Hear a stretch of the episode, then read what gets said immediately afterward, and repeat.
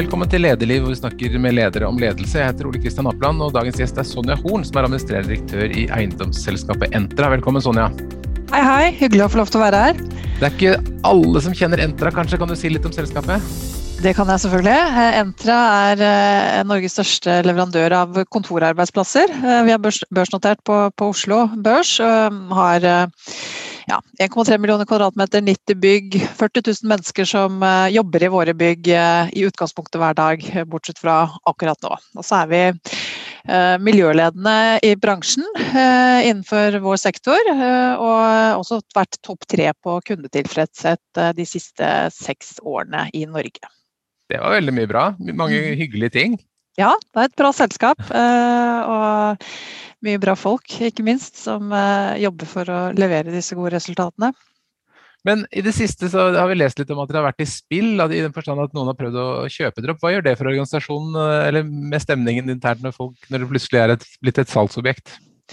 Altså det er klart at det uh, har jo skapt en del interesse internt også, uh, og litt uro. Uh, samtidig så har jo vi som ledelse vært veldig opptatt av å skjerme organisasjonen for det, og sørge for at de som jobber i virksomheten har fokus på å levere gode resultater. Så vi er en håndfull mennesker i ledelsen som har håndtert den situasjonen. Og så har resten av teamet jobbet og stått på for å sørge for å få frem frem aksjonærverdier og synliggjøre hva vi faktisk er verdt. Da. For det er jo klart det er viktig i en sånn situasjon at, uh, at det blir kjent for eh, markedet hva som kommer av verdiskapning fremover. Det, blir dere litt stolte når dere merker at folk liksom slåss om dere? Det er klart at det at tre aktører viser interesse for selskapet, viser jo at vi har gjort noe riktig og at vi har skapt verdier. Så, så åpenbart positivt. Så det har vært en spennende prosess. Men på en måte litt vemodig kanskje fordi at det risikerer at det blir solgt ut av landet, og dette er et selskap som tidligere har vært statlig, og som eier mange offentlige bygg osv. Hva tenker du om det? Jeg kan si at Vår oppgave er jo å skape aksjonærverdier, ehm, så, så, vi må ha fokus på det. Og så er det klart at eh, de som jobber i selskapet eh, har selvfølgelig uh, ulike følelser for ulike alternativer som har vært på bordet.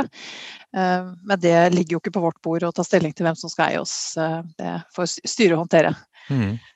Du har vært i Entra siden 2013 og vært leder siden 2019, før det jobbet du i bank bl.a. Hva var det som trakk deg til eiendomsbransjen og Entra?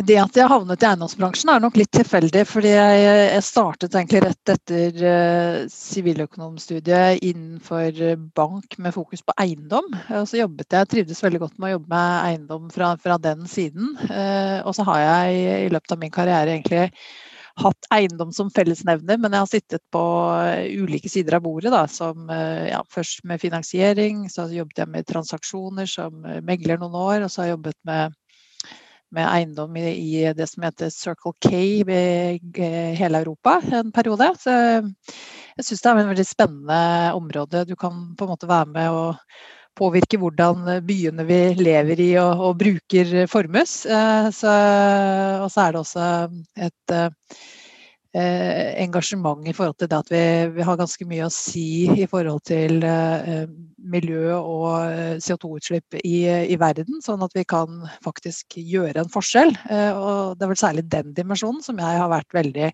tiltrukket av ved Entra. at vi vi har miljølederskap som strategi og har jobbet veldig systematisk med å uh, finne ut av hvordan vi kan bidra til at uh, vår bransje eh, drar ned CO2-utslippene eh, og drar oss i riktig retning i forhold til Paris-målene.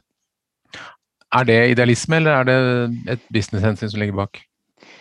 Det har vært en spennende utvikling. for det er klart at Da vi ble børsnotert tilbake i 2014 og hadde miljølederskap som ett av tre strategiske fokusområder allerede da, så, så måtte vi jo forklare hvorfor er det eh, en av de tre. Mens eh, i løpet av de siste årene så har vi jo erfart at det har kommet opp eh, på agendaen til investorene våre i langt, eh, altså betydelig grad. I, I, 2017 var vi på roadshow, da husker vi liksom at det var første gang vi fikk spørsmål som vi ikke kunne svare på, hvor investorene våre var var litt foran oss da, på miljødimensjonen. Så det var jo veldig motiverende. Og siden har det jo egentlig bare eskalert. Og vi opplever nå at det er et fullintegrert fokus fra både våre investorer, viktig i forhold til vår employer branding og, rekruttering, men og, fort, også, begynner også å komme opp på radaren til kundene våre. Så det er spennende. Hva gjør dere for å være miljøledende? Vi jobber jo uh, veldig systematisk med det. Altså, kan si at Vårt, vårt uh, eh, CO2-fotavtrykk er jo primært knyttet til uh, energiforbruket i vår egen portefølje, som representerer 75% av utslippene våre. Så, så, der har vi jobbet med energiledelse, investert i teknologi, opplæring av våre ansatte og, og tatt ned energiforbruket med 42% i porteføljen vår. Det, det, er ganske mye. ja, det er veldig mye. Og hvis du liksom regner på altså, antall kilowatt og hvor mange kroner det er snakk om, da, så er det jo en enorm besparelse også årlig for våre kunder da, som betaler strømregningen. Um, men uh, det som vi kanskje er uh, mest eh, stolte av, er jo en del av de innovasjonsprosjektene som vi har utviklet. Hvor vi, vi har eh, vært med på å rehabilitere eh, verdens første bygg til å bli et plusshus på Kjørbo i, eh, i Sandvika. det er altså et bygg som i løpet av sin livstid på beregnet 60 år kommer til å produsere mer energi enn det forbruker. Og det er da solenergi, ren fornybar energi. Um, og så vi, vet vi at uh, kanskje ja, ca. 97% av eiendomsstokken er jo rehabiliterings, altså eksisterende bygningsmasse. Så det å klare å knekke koden på hvordan du kan rehabilitere et bygg fra liksom å være en, en uh, storforbruker av energi til å bli en uh, produsent av ren energi, er jo en innovasjon på høyt nivå. Eh, og så har vi også bygget et nybygg eh, som er blitt et plusshus i Trondheim, på, på Brattøra.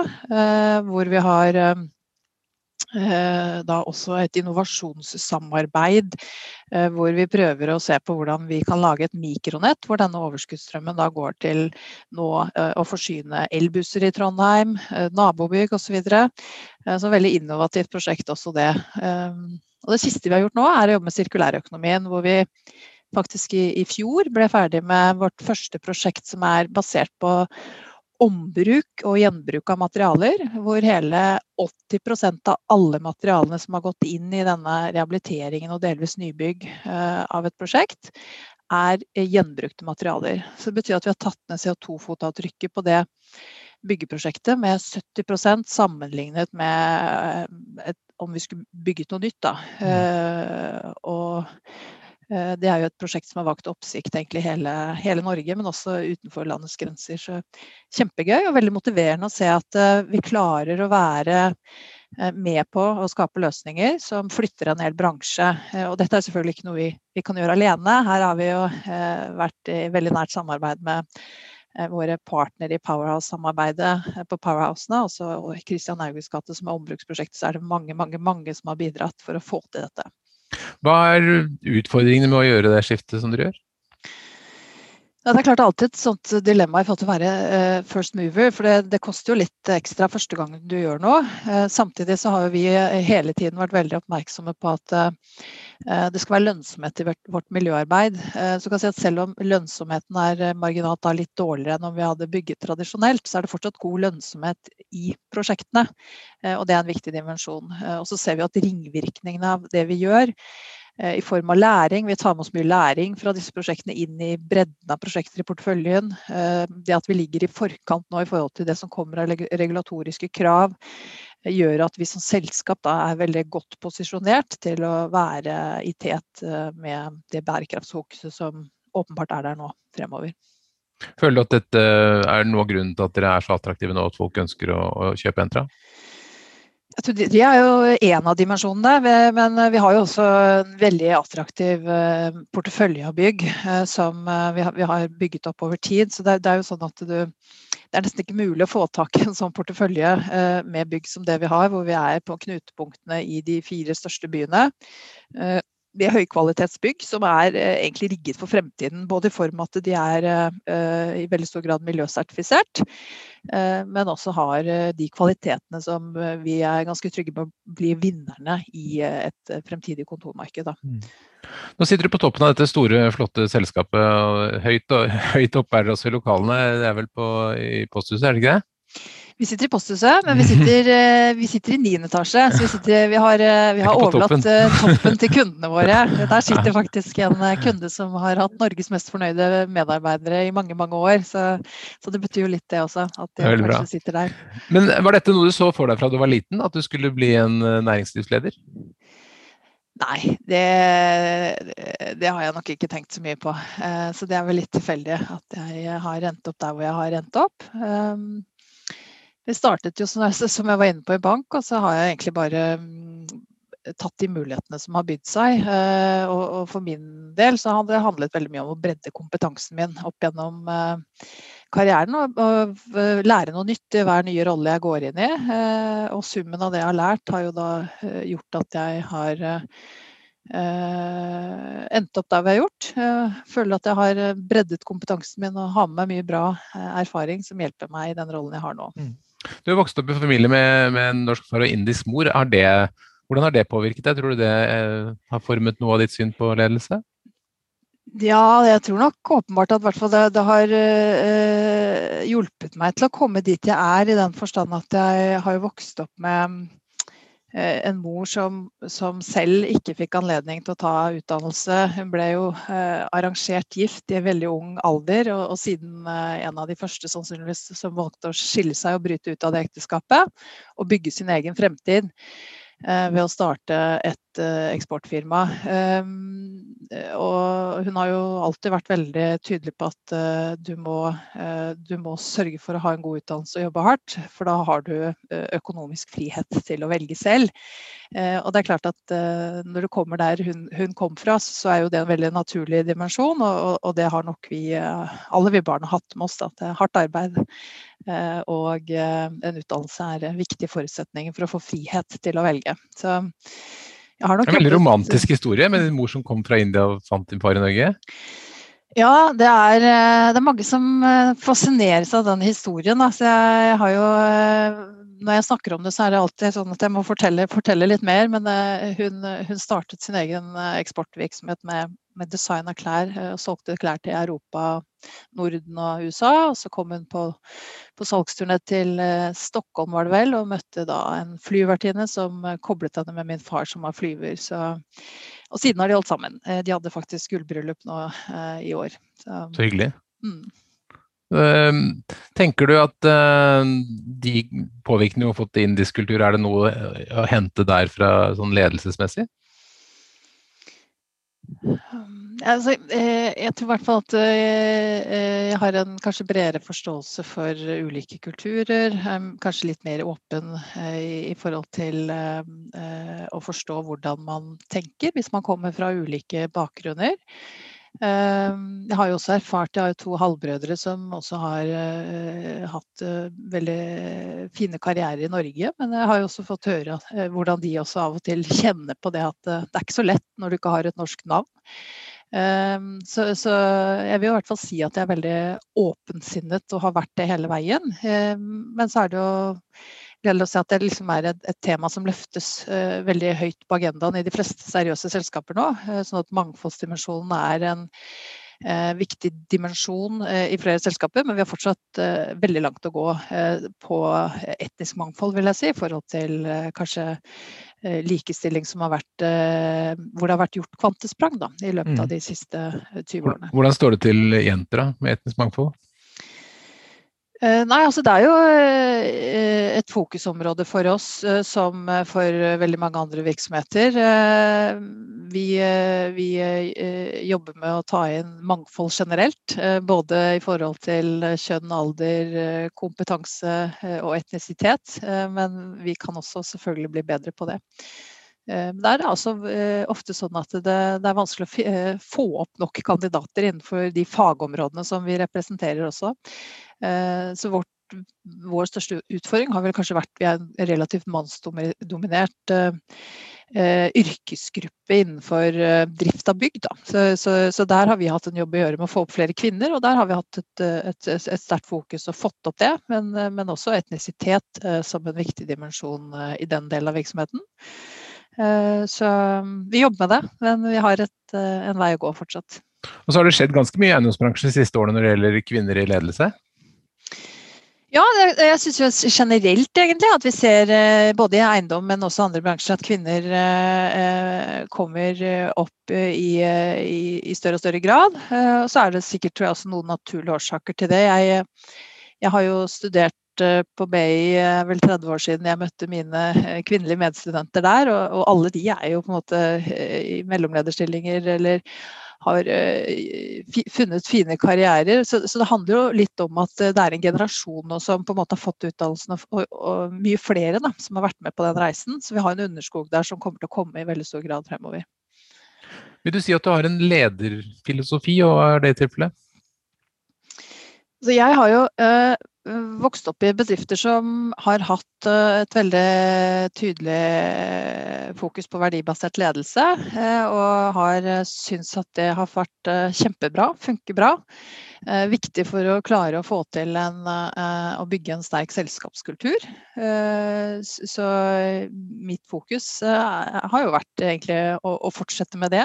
Og jobbe med å få verdiene satt ut i virksomheten eh, og få eh, bygget en kultur basert på et felles verdigrunnlag. En endringsvillig kultur. Og så har jeg jo prøvd å liksom, særlig disse covid-tider, forstå og bruke litt tid på dette med motivasjon og hvordan det påvirker oss.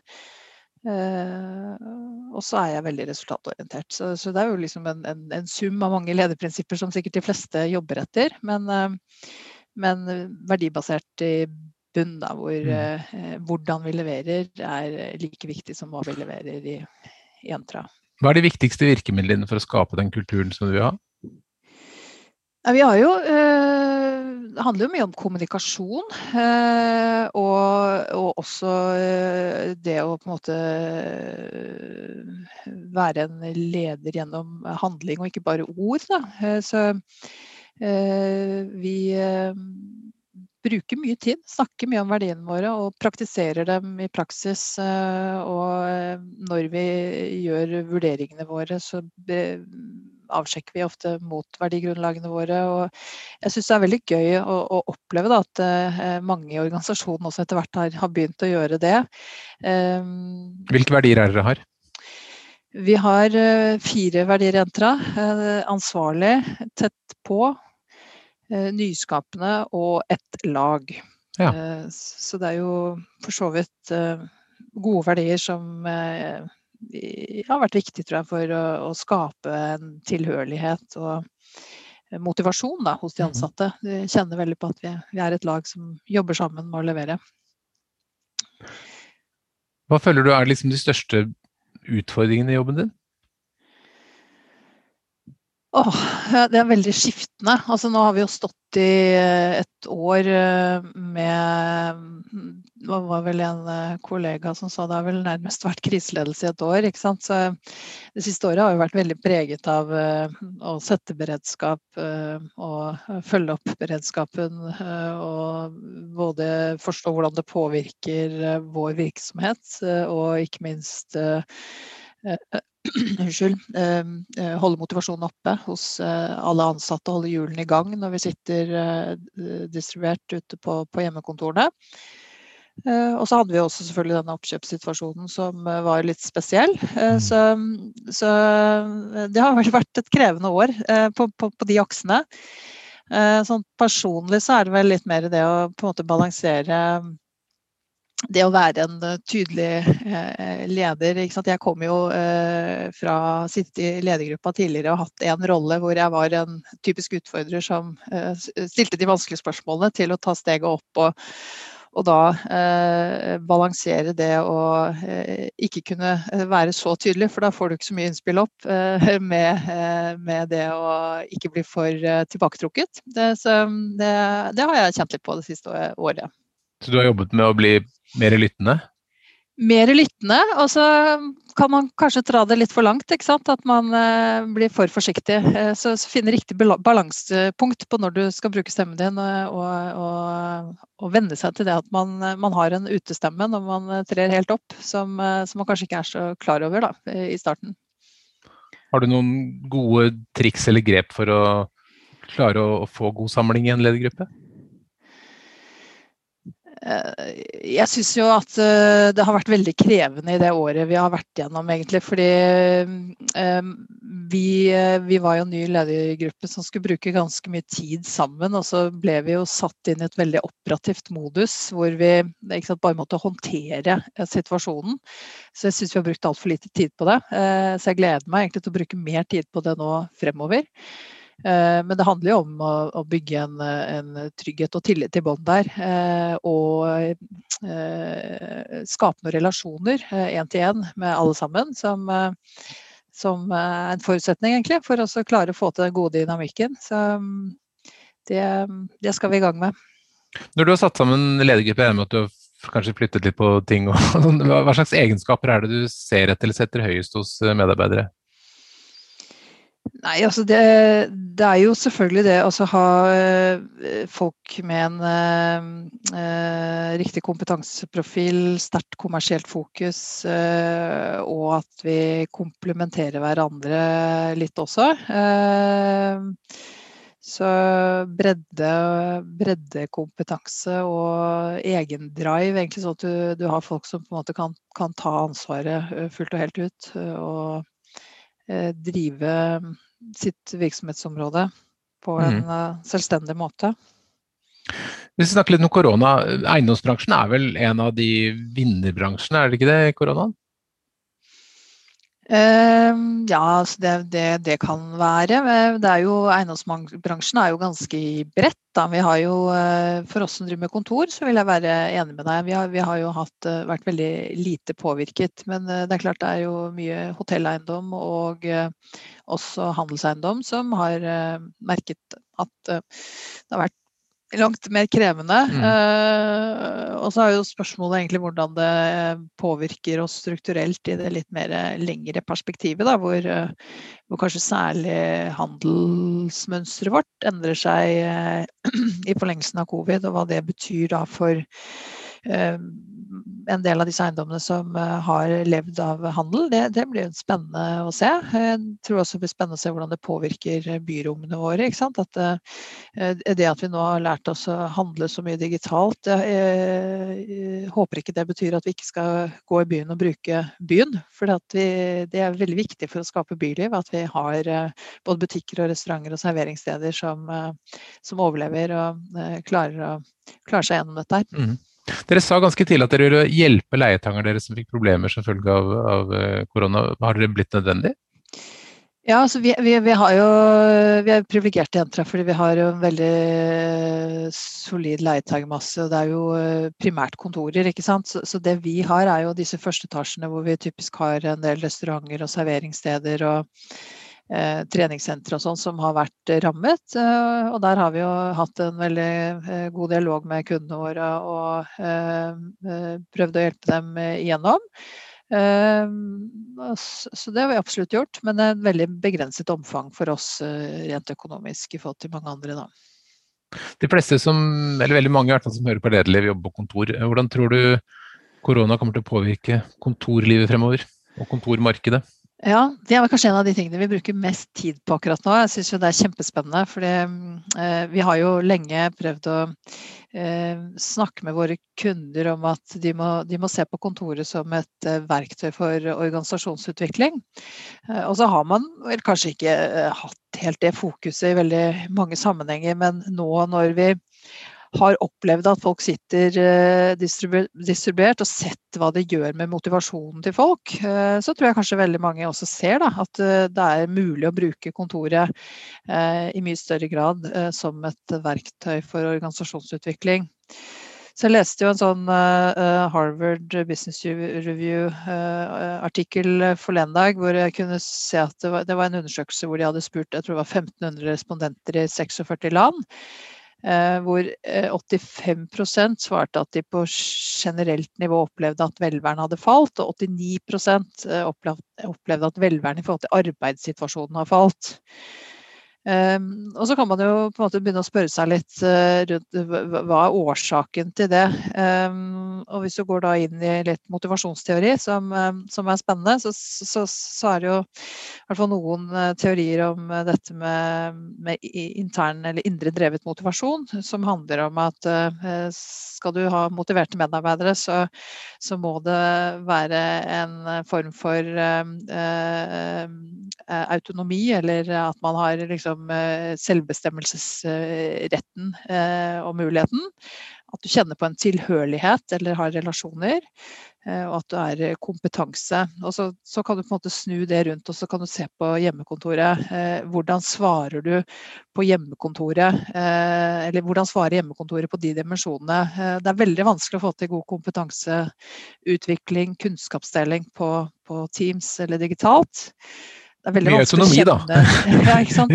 Eh, men det er egentlig ikke det. For hvis du, hvis du, det, er pålagt hjemmekontor. ikke sant? Eh, hvis du kunne valgt hjemmekontoret selv, så tror jeg du ville sett på det som en verdi. Men eh, mm. når det blir pålagt deg, så får du nesten den motsatte effekten. da. Så, så vi, vi, vi, tror jo at kontoret, altså hvilken rolle kontoret skal spille fremover, blir bare enda viktigere i forhold til det at uh, man tror jeg som virksomhet har forstått at det spiller en utrolig viktig rolle i den kulturbyggingen og identitetsskapingen til bedriften. Da. Sånn at kontorets rolle som arena for kulturbygging, identitet, samhandling, kunnskapsdeling og sosialisering bare forsterker seg. Eh, og det henger jo veldig godt sammen med, med motivasjonsteorien. ikke sant? Eh, skal vi skape et eh, arbeidsmiljø der de ansatte har eh, egen motivasjon til å levere, eh, så, så, må du måte, bruke kontoret i enda større grad til å forsterke de dimensjonene. Du er ikke redd for kontorledighet som følge av dette? Nei, jeg er ikke det. Altså, det er klart at eh, noen bedrifter eh, vil sikkert kunne se at de kan redusere arealet sitt eh, fordi de i utgangspunktet hadde veldig god plass. Men veldig mange bedrifter har jo allerede redusert arealbehovet sitt i forbindelse med at de har gått fra ja, over på åpne løsninger og free seating osv. Og så ser man jo at man nå kanskje trenger mer plass til type Teams-møter, til samhandling Eh, og så, så jeg tror vi kommer til å bruke kontoret annerledes, men ikke nødvendigvis at vi trenger så mye mindre areal. Så du tenker at det kommer til å påvirke utformingen av kontoret? Utformingen av kontoret. Så tror jeg vi, vi, som aktører i bransjen vi må i mye større grad levere arbeidsplassløsninger. Ikke bare det fysiske kontoret, men vi begynner å snakke litt om det hybride kontoret. ikke sant? Altså Hvis du, du skal skaffe lokaler til din virksomhet, eh, så, så, trenger du en løsning som både funker når folk velger å sitte ute og sitte inne, og ikke bare nødvendigvis på hjemmekontoret. Du kan sitte hvor som helst. Eh, så det kan bety noe for hva slags digitale samhandlingsløsninger vi vi har. Eh, kanskje skal du liksom ha en sånn firerstjerne eh, på et kontor hvor du har noen skjermer, sånn at de som sitter på hjemmekontor faktisk er med eh, fysisk digitalt, selv om de ikke er der til stede.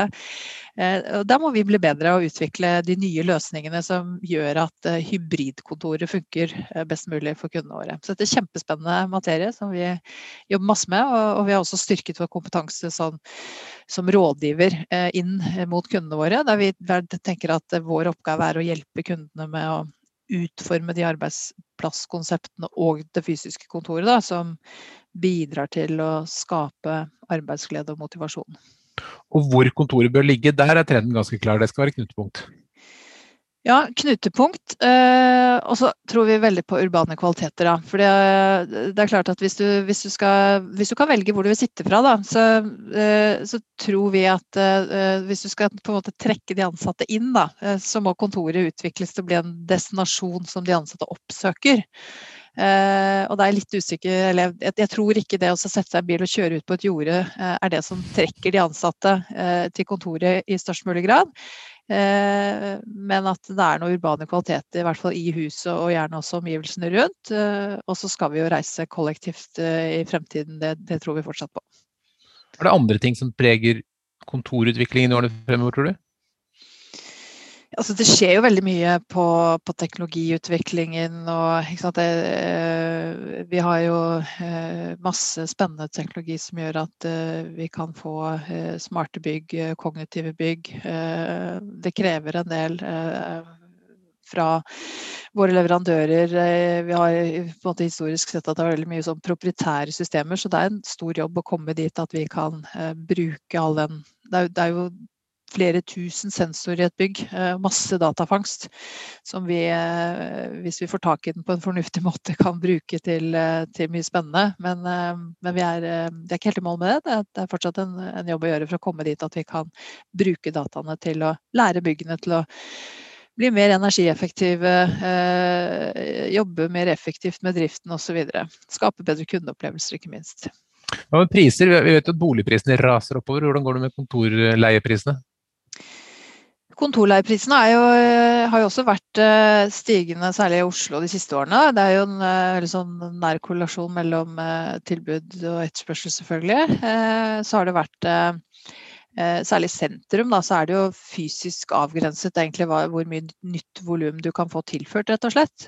Så vi, vi, har jo en tro på at over tid så vil jo leieprisene i, i sentrum og de sentrale strøkene Eh, stige, eh, også mer enn inflasjonen. Men, eh, men, hvis du beveger deg litt sånn utenfor de områdene hvor, hvor det er tilgjengelige tomter, så, så, vil det være veldig avhengig av tilførsel av nye arealer. Så det er et litt sånn nyansert bilde i Oslo, hvor, hvor man har litt svakere leieprisvekst utenfor sentrum. Du har en krevende jobb mange, på mange nivåer. Hvordan prioriterer tiden din, hvordan styrer du dagen? Uh, nei, det har egentlig vært litt sånn uh, endring uh, med covid, det også. For før covid så var det en kalender som styrte dagen min, mens nå har jeg plutselig fått en del luker og, og, litt mer tid. Så det er jo ganske deilig at jeg har mulighet til å, å, å, eie tiden min og, og, styre tidsbruken på de tingene som jeg mener er riktige. men men var det, blitt mer, var det blitt mer av da, Sonja? Nei, nå har det jo vært veldig mye for så vidt uh, håndtering av oppkjøpssituasjonen, og, og, i forlengelsen av det så blir det også en del strategiske diskusjoner. Er, og, og, og, også det vi ser med covid nå, så blir det mer, mer strategi for oss fremover å forstå egentlig hvordan vi skal rigge Entra for å uh, uh, gripe de mulighetene som egentlig kommer i forlengelsen av covid, um, og sikre at vi har best mulig forberedt på det som kommer. Mm. Hva er du mest stolt av å ha fått til i jobben så langt? Ja, det er et vanskelig spørsmål. da. det jeg er mest egentlig stolt av, er, er for så vidt eh, kanskje ikke eh, direkte linka til hva jeg har fått til, men at den, altså, den driven og kulturen vi har klart å skape i Entra over tid. Uh, jeg opplever at vi har en kultur i selskapet hvor du sant, gir du retning, så, så, så dundrer det toget av gårde, og resultatene leveres. Eh, så, så, det viser litt eh, kraften i det å, å ha en selskapskultur eh, med da folk som er motiverte for å levere og stå på for selskapet. Det, det er jeg veldig stolt av at vi har i Entra. Og så skal ikke jeg ta fortjenesten for det, for det har vært en jobb smart vi har jobba med i mange, mange år. Hvis det kommer en ung person til deg og sier jeg har lyst til å bli en stor leder i kanskje eiendomsbransjen akkurat som deg, hva er de tre viktigste lederrådene vi uh, De tre viktigste lederrollene du vil gi, ja. Uh, nei, altså jeg, jeg, tenker jo at uh, først og fremst så må man uh, være seg selv. ikke prøve å være noe, noe annet enn en det man er. Eh, og så er det å sørge for å ha flinke folk rundt seg. Eh, og gi dem eh, tillit og frihet til å levere. Gode, tydelige råd. Sonja Horn, tusen takk for at du kom til Lederliv. Takk skal du ha. Lederliv er en podkast fra kommunikasjonsbyrået Apeland. Vi legger ut nye episoder hver fredag. Redaksjonen består av Ellen Paulsen, Lars Jarle Melum, Lars Volden og meg, som heter Ole Kristian Apland. Send e-post til tipsatlederliv.no, eller rett til meg på oleatapeland.no. Takk skal du ha.